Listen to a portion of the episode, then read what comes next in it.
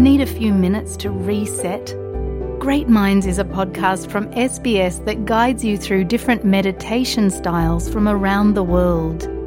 Listen wherever you get your podcasts. Anda bersama SBS Bahasa Indonesia. Tepat saat liburan Natal, perubahan besar terjadi pada cara pengiriman Australia Post. Pengiriman surat harian diakhiri untuk lebih fokus pada paket. Berikut ini laporan tentang hal tersebut yang disusun oleh Alex Anifantis dan Alex Jones untuk SBS News.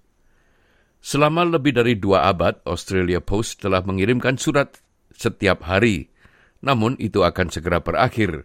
Menteri Komunikasi Michelle Rowland mengatakan perubahan perlu dilakukan. We understand that with the rise of competitors, the gig economy, the changing structure of the market, that Australia Post traditional services are under more and more pressure.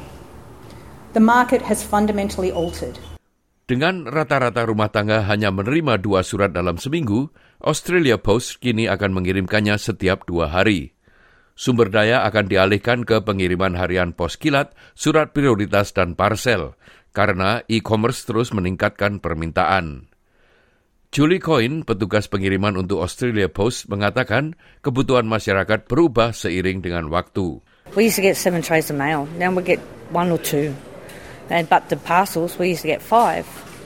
Back ten years ago, now we're getting like a hundred parcels. CEO Australia Post, Paul Graham, mengatakan jumlah pengiriman paket meningkat secara substansial selama musim penjualan retail.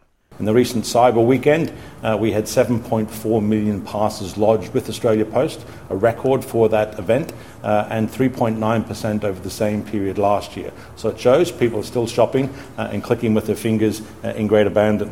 Meskipun mandat pengiriman surat Australia Post mungkin berubah, layanan yang dimiliki pemerintah namun didanai sendiri ini menyatakan akan terus mengoperasikan minimal 4.000 kantor pos lokal.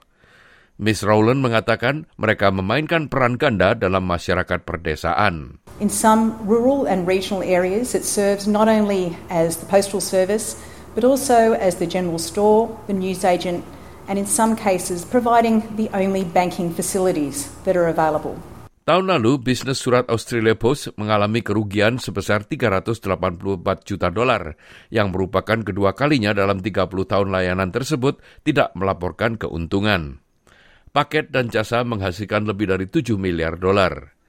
Petugas pengiriman pos Chris Russell mengatakan orang sering kali harus menunggu lama untuk pengiriman paket mereka.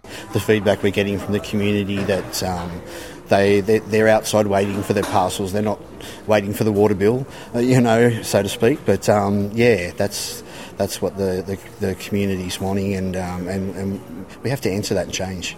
Australia Post juga bersaing dengan perusahaan besar lainnya dalam bisnis pengiriman paket global. CEO Paul Graham mengakui bahwa mendapatkan keuntungan bukanlah hal yang bisa dilakukan dengan cepat.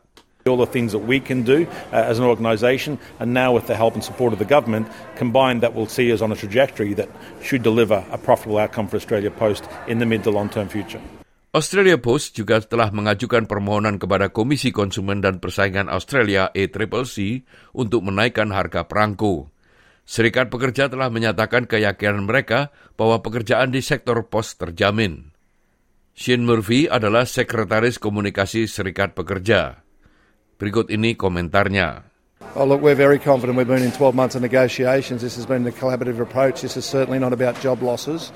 Uh, this is about facing into the future. There is written commitments between the Union and Australia Post in relation to the future service and the delivery being provided by our posties, um, not only now but well into the future.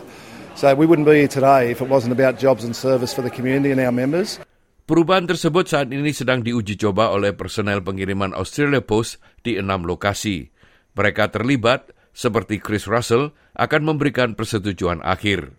There's always a little bit of apprehension with any sort of change, um, but we were really fortunate here. We had a really good local working group that incorporated the posties and the management team, and um, and we've we've sort of sorted through and, and come out the other side um, pretty pretty good. Memilih waktu tersibuk dalam setahun untuk menguji model pengiriman baru ini adalah hal yang penting. Nah pendengar itulah tadi sebuah rangkuman tentang pergantian dalam pengiriman surat oleh Australia Post yang disusun oleh Alex Anifantis dan Alex Jones untuk SBS News dan disampaikan oleh Ricky Kusumo. Sukai, berbagi, komentar. Ikuti SBS program Bahasa Indonesia di Facebook.